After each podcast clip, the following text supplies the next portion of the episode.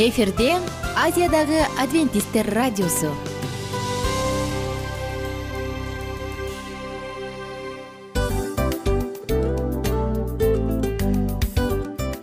Салам достор. Ден соолук өмүр булагы. Жана биздин биринчи байлыгыбыз демекчи саламат саамы рубрикасына кош келдиңиздер. Бир да кишинин ооругусу келбегени айтпаса да түшүнүктүү.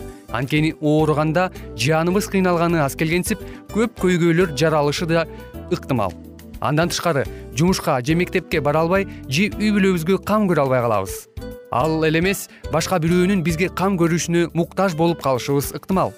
Ошон үчүн дарыланууга караганда алдын алуу жакшы эмеспи.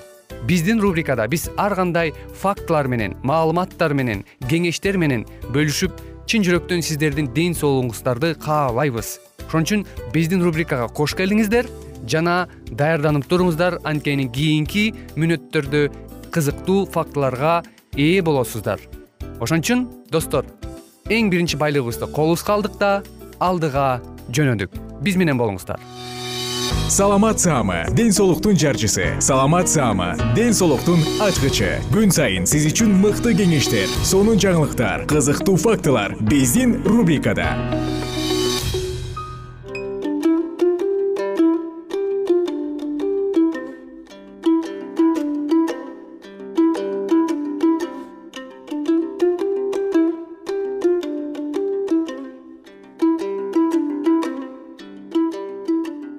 саламатсыздарбы кымбаттуу биздин сүйүктүү угармандарыбыз кайрадан эле сиздерге белгилүү болгондой? Бүгүнкү программабыздын чыгарылышында биз адам баласынын ден соолугуна терс таасирин тийгизип жаткан бүгүнкү күндөгү тамекилер туурасында сүйлөшмөкчүбүз. Тамеки демекчи тамекинин келип чыгуу тарыхы жөнүндө. Бүгүнкү программабызда сөз кылмакчыбыз андыктан биз менен болуңуз кызык тамекинин тарыхы бир миң тогуз жүз кырк экинчи жылы жыйырма жетинчи сентябрда испаниялык саякатчы кристофор колумб кубанын жээгинде гаити аралына барат. Ал жердеги сигаро деген чыгарышат. Алар түтүнүн жутушуп мурдунан чыгарышат. Аларды матростор үйрөнүшөт. Андан кийин өлкөлөргө тарайт. Ошентип гаити аралынан табаго аймагына андан алган өсүмдүк бир миң тогуз жүз кырк төртүнчү жылы башка өлкөлөргө тарайт. Он сегизинчи кылымдын отузунчу жылдарында швед окумуштуусу карл линей европага биринчи болуп тамекини өстүргөн. Жан никонун атынан никотин деп айткан. Жан ника француздардын португалияга жиберген өкүлү болгон.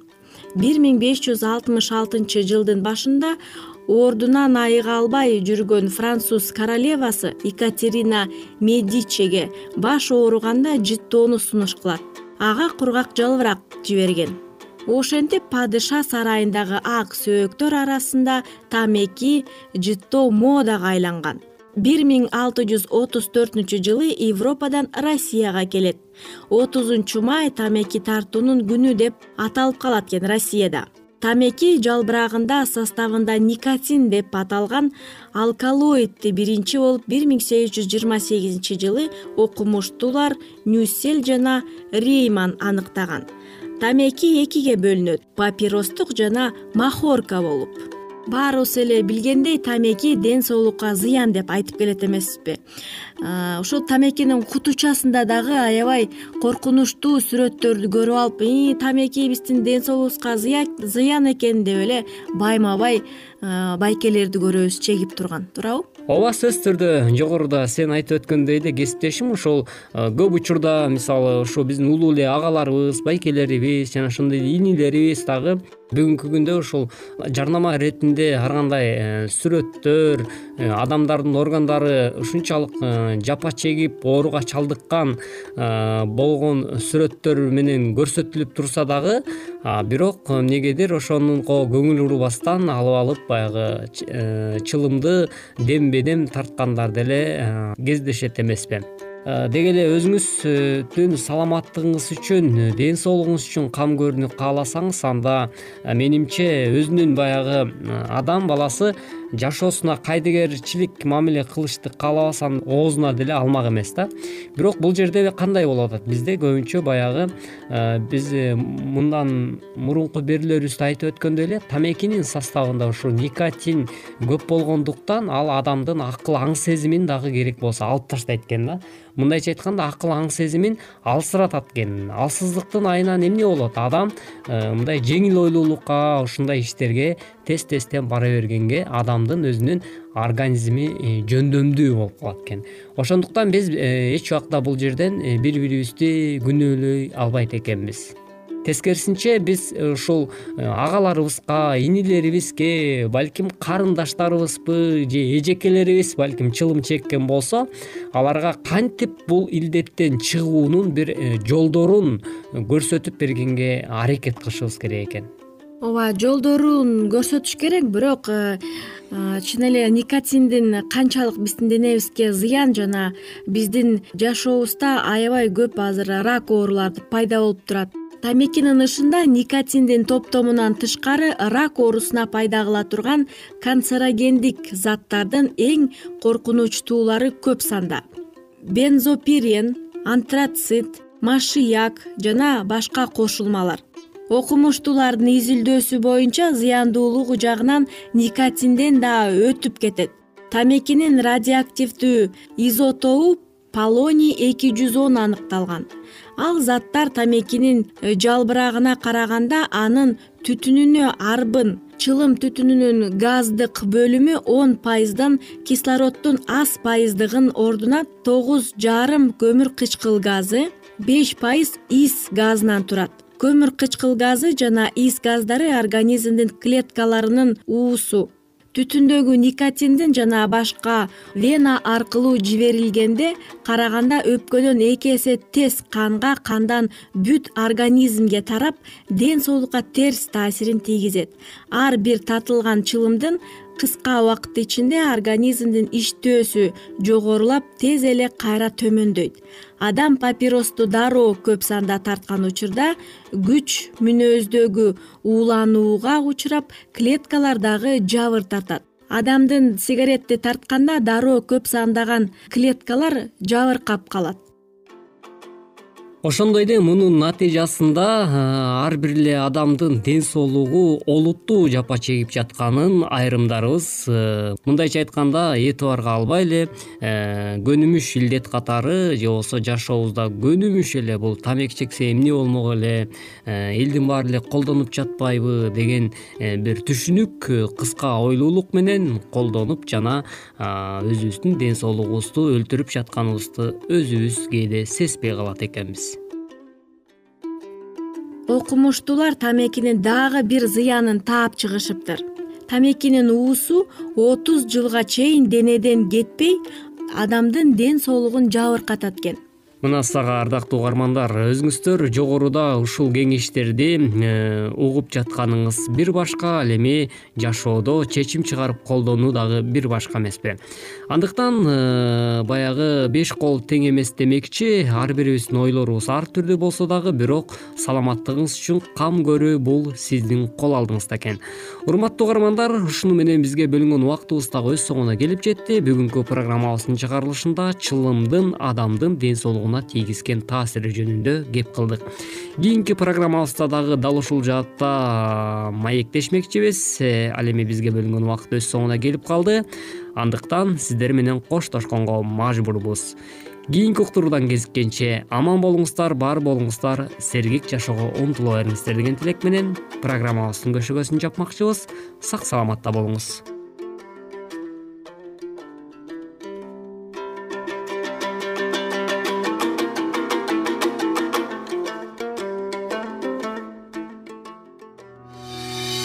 саламат саама ден соолуктун жарчысы. Саламат саама ден соолуктун ачкычы. Күн сайын сиз үчүн мыкты кеңештер сонун жаңылыктар кызыктуу фактылар биздин рубрикада.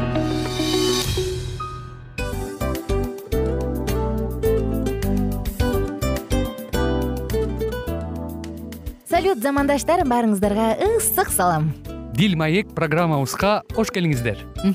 Дил маек рубрикасы дегенде эле бул эмне болгон дил маек ким менен маектешебиз деп сурайт болуш керек угармандарыбыз.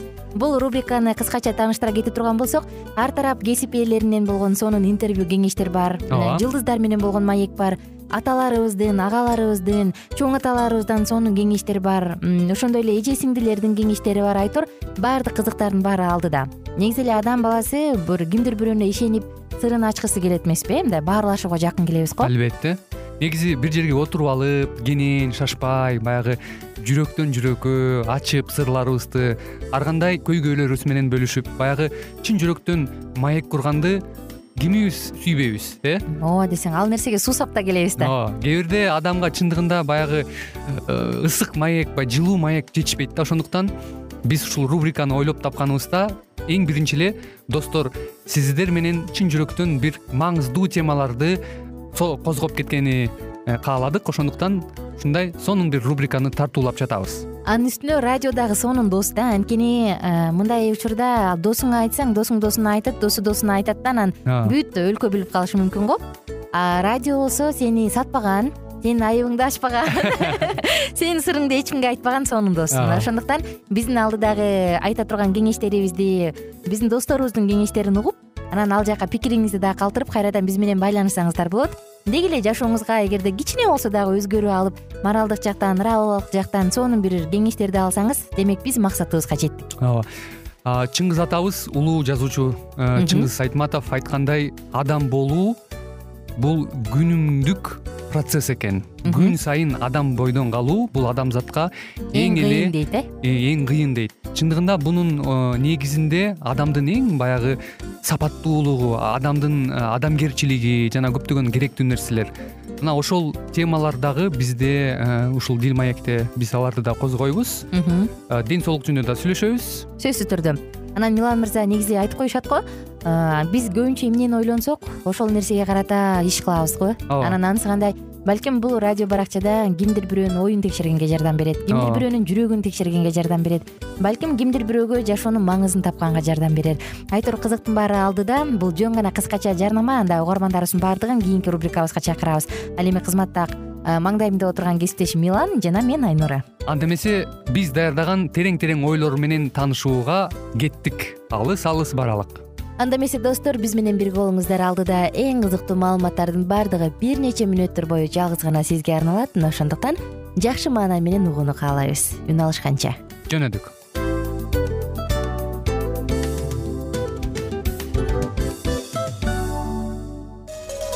Ар түрдүү ардактуу кесип ээлеринен алтын сөздөр жүрөк ачышкан сыр чачышкан сонун маек дил маек рубрикасында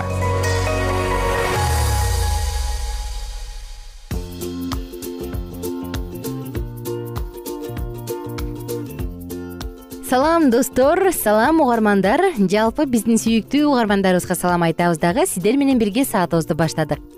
Бүгүн тагдырга таасир тийгизүүчү майда чүйдө нерселер жөнүндө сөз кылабыз. Тагдырга таасир тийгизет бирок майда чүйдө. Кызык э? Көрсө тагдырга дагы майда чүйдө нерсенин баардыгы тең таасир тийгизет экен дал ушул жөнүндө айтып берейин деп бел байланып турган кызматта мен аку ал эми сиз тыңдап жаткан бул дил маек уктуруусу. Биз менен бирге болуңуздар кызыктуу саатыбыз старт алды никеде майда чүйдө нерселер өтө эле көп. Бул суктанган көз караш сүйүү толгон көз караш. Бул сөздөр бул кыймыл аракет. Мунун баардыгы тең мамилени ысык бойдон сактаганга абдан чоң мааниге ээ. Жана тескерисинче жөн гана майда чүйдө нерсеге көңүл бурбай коюу чоңдогон кыйынчылыктарга бузулууларга алып келет. Эстесеңиз керек э? Мындай сөздү уксаңыз керек. Никеде нике майда чүйдө нерселерден бузулат деп. Ооба бул сөздүн чындыгы бар. Анда бул эмне деген майда чүйдө мамилени бекемдей алган же мамилени буза алган деп ойлонуп калгандырсыз. Жана алардан эмне себептен мындай чоң нерсе көз каранды? Келиңиздер. Мүмкүн болсо блокнот жана калемсеп алыңыз дагы жазып алыңыз. Ал эми биз сиздер менен бүгүн дал ушул майда чүйдө бирок маанилүү нерсе жөнүндө сөз кылабыз. Майда чүйдө нерселер мелочь деп коет эмеспизби? Майда болгону менен маанисиз көрүнгөнү менен жөнөкөйбү?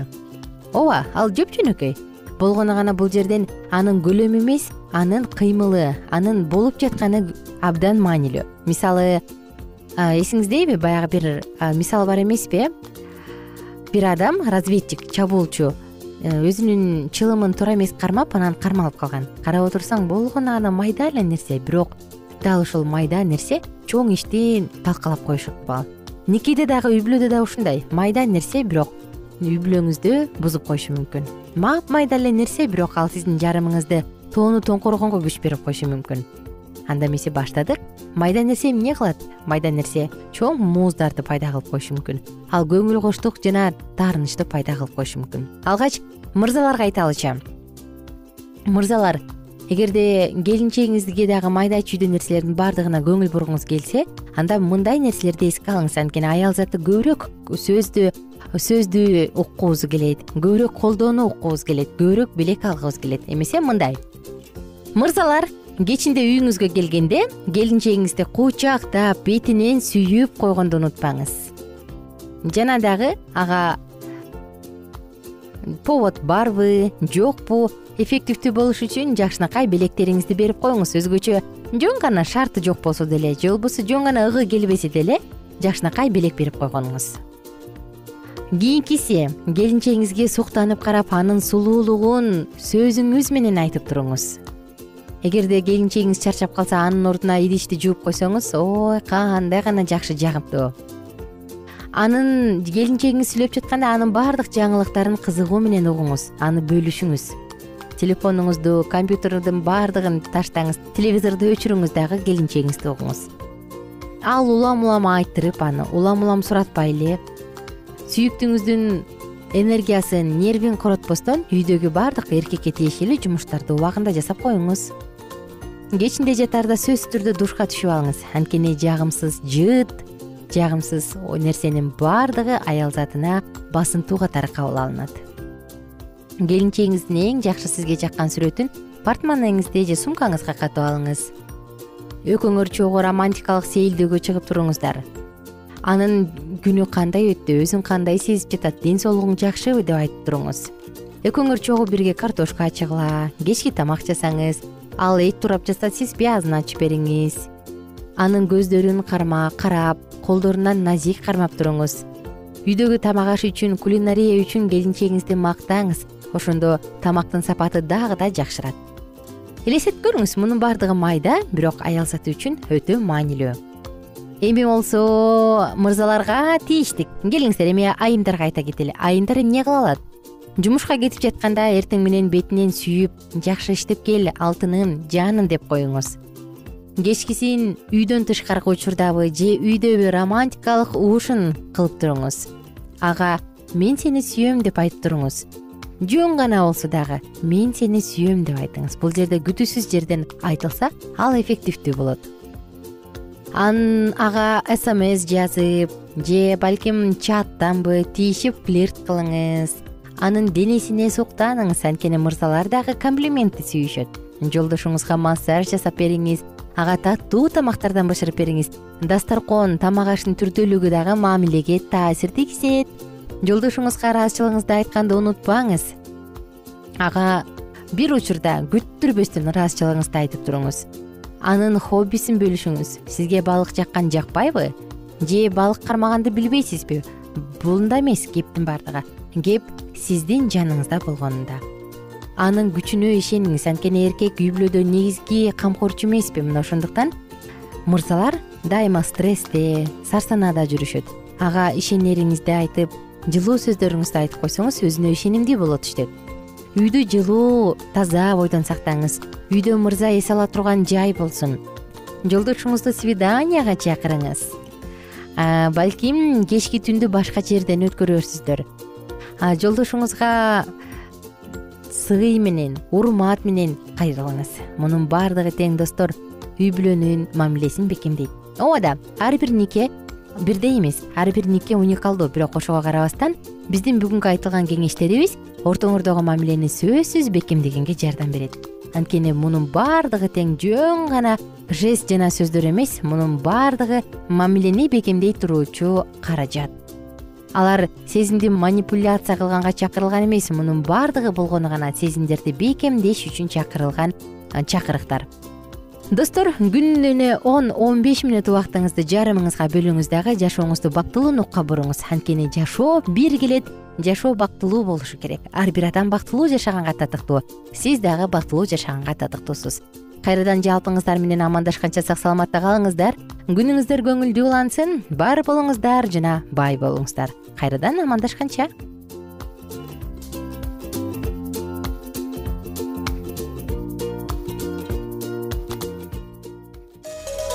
Ар түрдүү ардактуу кесип ээлеринен алтын сөздөр жүрөк ачышкан сыр чачышкан сонун маек. Дил маек рубрикасында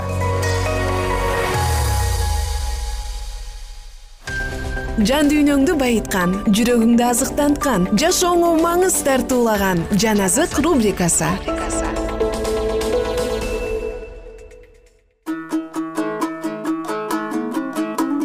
Саламатсыздарбы кыргыз элим. Сиздер менен улуу күрөш китебин улантабыз. Өзүнүн шакирттери менен коштошоордун алдында кайра келе тургандыгын айтып куткаруучу алардын кайгысын баскан. Силердин жүрөгүңөр чоочулабасын. Менин атамдын үйүндө орун көп. Мен силерге жай даярдап келиш үчүн барам. Жана мен качан барып силерге орун даярдагандан кийин кайрадан келип силерди өзүмө алам. Жакан он төртүнчү бап биринчи үчүнчү аяттар. Адам уулу өзүнүн атагында жана аны менен бирге бүт ыйык периштелер келгенде ошондо өзүнүн атагынын тактысына отурат. Жана анын алдында бүткүл элдер чогулушат. Матай китеби жыйырма бешинчи бап отуз биринчи отуз экинчи аяттар ыйса машаяк элеон тоосунда асманга көтөрүлүп кеткенден кийин жерде калган периштелер анын келе турган убадасы жөнүндөгү сөздөрүн шакирттерге кайталашып мындай дешкен. Силерден асманга алынып кеткен ыйса силер асманга көтөрүлгөнүн көргөнүңөрдөй эле кайрадан кайтып келет элчилердин иштери биринчи бап он биринчи аят. Жана элчи павел дагы кудайдын рухунан шыктанып мындай деген. Себеби башкаруучу добушта эң жогорку периштенин добушунда. Жана кудайдын сурнайынын үнү чыкканда теңир өзү асмандан келет. Жана пайгамбар патмос аралынан мындай дейт. Мына булуттар арасында да келе жатат. Аны бардык көздөр көрүшөт. Аян китеби биринчи бап жетинчи аят. Анын келиши баштагы кылымдардан бери эле кудай ыйык пайгамбарлардын ооздору аркылуу сүйлөгөн сөздүн ордунан чыгышы болот. Элчилердин иштери үчүнчү бап жыйырма биринчи аят ошондо жамандыктын башкаруусунун акыры келет. Биздин теңирдин жана анын машаяктын падышалыгы болду. Ал кылымдан кылымга падышалык кылат. Жана теңирдин даңкы айкын болуп ар кандай дене кудайдын куткаруусун көрөт. Кудай теңирибиз бардык элдердин алдында чындыкты жана атак даңкты чыгарат. Ышая алтымыш бир он бир. Ал күнү ааламдын теңири аман калган өз эли үчүн маңдайына тагыла турган эң сонун жана даңктуу таажы болот. Ышая жыйырма сегиз беш. Ошондо көптөн күткөн машаяктын падышалыгы жер үстүндө орнойт. Теңир сионду ушинтип тынчытат. Анын бүт урандыларын тынчытат. Анын ээн калган жерлерин быйыш кылат. Жана анын талаасын теңирдин гүл багына айлантат. Ышая элүү бир үч. Ливандын атагы кармил менен сарондун сонун көркү берилет. Ышая отуз беш эки анан сени ташталды дешпейт жана сенин жериңди анан эрме чөл деп аташпайт. Бирок сени менин жакшылыгым ага тийген дешет. А сенин жериңди болсо сүйгөн аялы деп урматташат. Жана күйөө колуктусу жөнүндө кубангандай сенин кудайың сен жөнүндө кубанат. Ышая алтымыш эки төрт беш. Машаяктын келиши бардык кылымдарда анын чыныгы жолдоочуларына үмүттүн канатын берип турган. Элеон тоосунда куткаруучу кайра келүүгө убада кылган жана бул убада анын шакирттерине кайгыда жана сынактарда кайтып кетпей турган кубаныч жана үмүт берген. Азап кайгылардын жана куугунтуктардын ортосунда биздин улуу кудайыбыздын жана куткаруучу ыйса машаяктын келиши алар үчүн кубанычтуу таяныч болгон. Качан фессалоникалык ишенүүчүлөр өз жакындарын кайгыруу менен жерлеп жатышканда алардын арасындагы теңирдин келишин тирүү бойдон көрүп кала тургандарга карата элчи павел алардын насаатчысы куткаруучунун келишиндеги өлгөндөрдүн тирилиши жөнүндө түшүндүрүп берген. Ошондо машаякта өлгөндөр тирүүлөр менен бирдикте тирилишип теңирди абада тосуп алуу үчүн асманга алынат. Демек ар дайым теңир менен бирдикте болобуз. Ошентип бири бириңерди ушул сөздөр менен соороткула. Биринчи тессалоникалыктар төртүнчү бап он алтынчы он сегизинчи аяттар. Патмас аралында сүйүктүү шакирт убадаланган добушту уккан ооба мен жакында келем жана анын эңсеген жообу жыйын үчүн бардык кылымдарга сыйынуу болуп калды. Ооба кел ыйса теңир. Аян жыйырма экинчи бап жыйырманчы аят. Түрмөлөрдө жалынданган оттун ичинен жана баш кесүүчү жайларда касиеттүү азап чегүүчүлөр чындык жөнүндө күбөлөндүрүшкөн жана алардын үндөрү жүздөгөн жылдар ишеним жана үмүт алып келип турат. Анын тирилтип ала тургандыгына жана өзүнүн дагы тириле тургандыгына ишенишкендиктен ушул ишенүүчүлөрдүн бири мындай деп айткан. Алар өлүмгө жийиркенич менен карашкан жана өздөрү андан жогору болушкан. Алар ал жактан кайра куткарылуу үчүн мүрзөгө кирүүгө макул болушту. Алар асмандагы булуттардын үстүндө атанын даңкында өз падышалыгын адилеттүүлөр үчүн орното турган теңирди күтүшкөн. Валдендер ушул сыяктуу ишенимге ээ болушкан. Уиклиф теңирдин келишин жыйындын үмүтү катары күткөн лютер мындай деген сот күнү үч жүз жылдан ашык эмес убакыттын ичинде боло тургандыгына мен ишенем. Бул бактысыз дүйнөгө кудай эми чыдай албайт жана чыдагысы да келбейт. Жердеги жийиркенич бийлеген падышалык түп орду менен жок боло турган улуу күн жакындап келе жатат. Бул карып калган дүйнө өзүнүн бүтөөр аягынан алыс эмес деген меланхтон. Кальвин ишенгендерди солкулданбастан улуу окуя катары машаяктын келишин күтүүгө үмүт берген. Ар бир үй бүлө ушул күндү күтүүсү зарыл биз машаякка болгон ачкачылыкты сезип турушубуз керек. Биз аны издеп ал жөнүндө ой жүгүртөбүз. Анткени ошол улуу күндүн таңы атканча жана биздин теңирибиз өз толуктугу менен өз падышачылыгынын даңкын көргөзгөнчө аны күтөбүз. Эмне биздин куткаруучу ыйса асманга адам денесинде алынган эмес беле деген шотландиялык реформатор нокс. Эмне ал кайрадан кайтып келбейби? Биз билебиз ал сөзсүз кайтып келет. Жана анын келишине аз гана убакыт калды ридли менен латимер өз өмүрлөрүн чындык үчүн беришкен. Жана теңирдин келишин ишеним менен күтүшкөн. Ридли мындай деп жазган.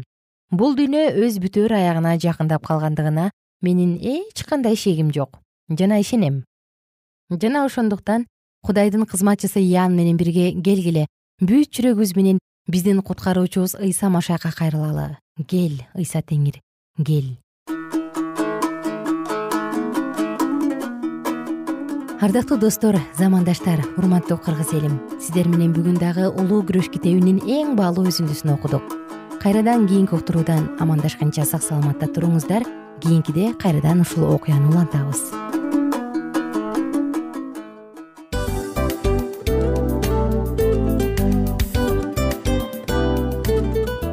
мына ушинтип убакыт дагы тез өтүп кетет экен. Биз дагы радио уктуруубуздун аягына келип жеттик. Келип кубандырдыңар эми кетип кубандыргыла деп тамашалап калышат эмеспи? Анысы кандай?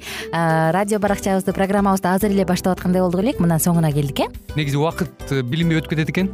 Мен дагы э, убакыт дегенде бүгүн бир адам менен сүйлөшүп калдым. Анан убакыт бул мүмкүнчүлүк деп айтып өзүмө өзүм айтып алып анан мага өзүмө эле кайра ачылыш болду да чын эле Э, карап отурсаң ошол эле жыйырма төрт саат ошол эле жарым саат кайталанып атат. Бирок сендеги мүмкүнчүлүк жок ошол кой берилип кетти? Анысы кандай? Бүгүнкү сонун убактыңызды алтындай болгон жарым саатыңызды бизге бөлүп арнаганыңыз үчүн ыраазычылык айтабыз.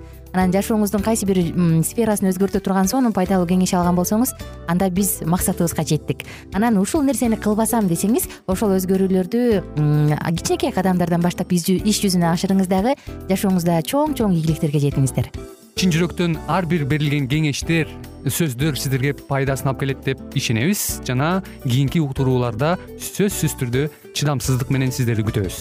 Сагынычтуу салам айтып кайрадан дал ушул жыштыктан баардыгыңыздарды тосуп алганча. Кызматта мен айнура жана кесиптешим милан анда кол булгалайбыз жалпыңыздарга ийгиликтүү күн. Саламатта калыңыздар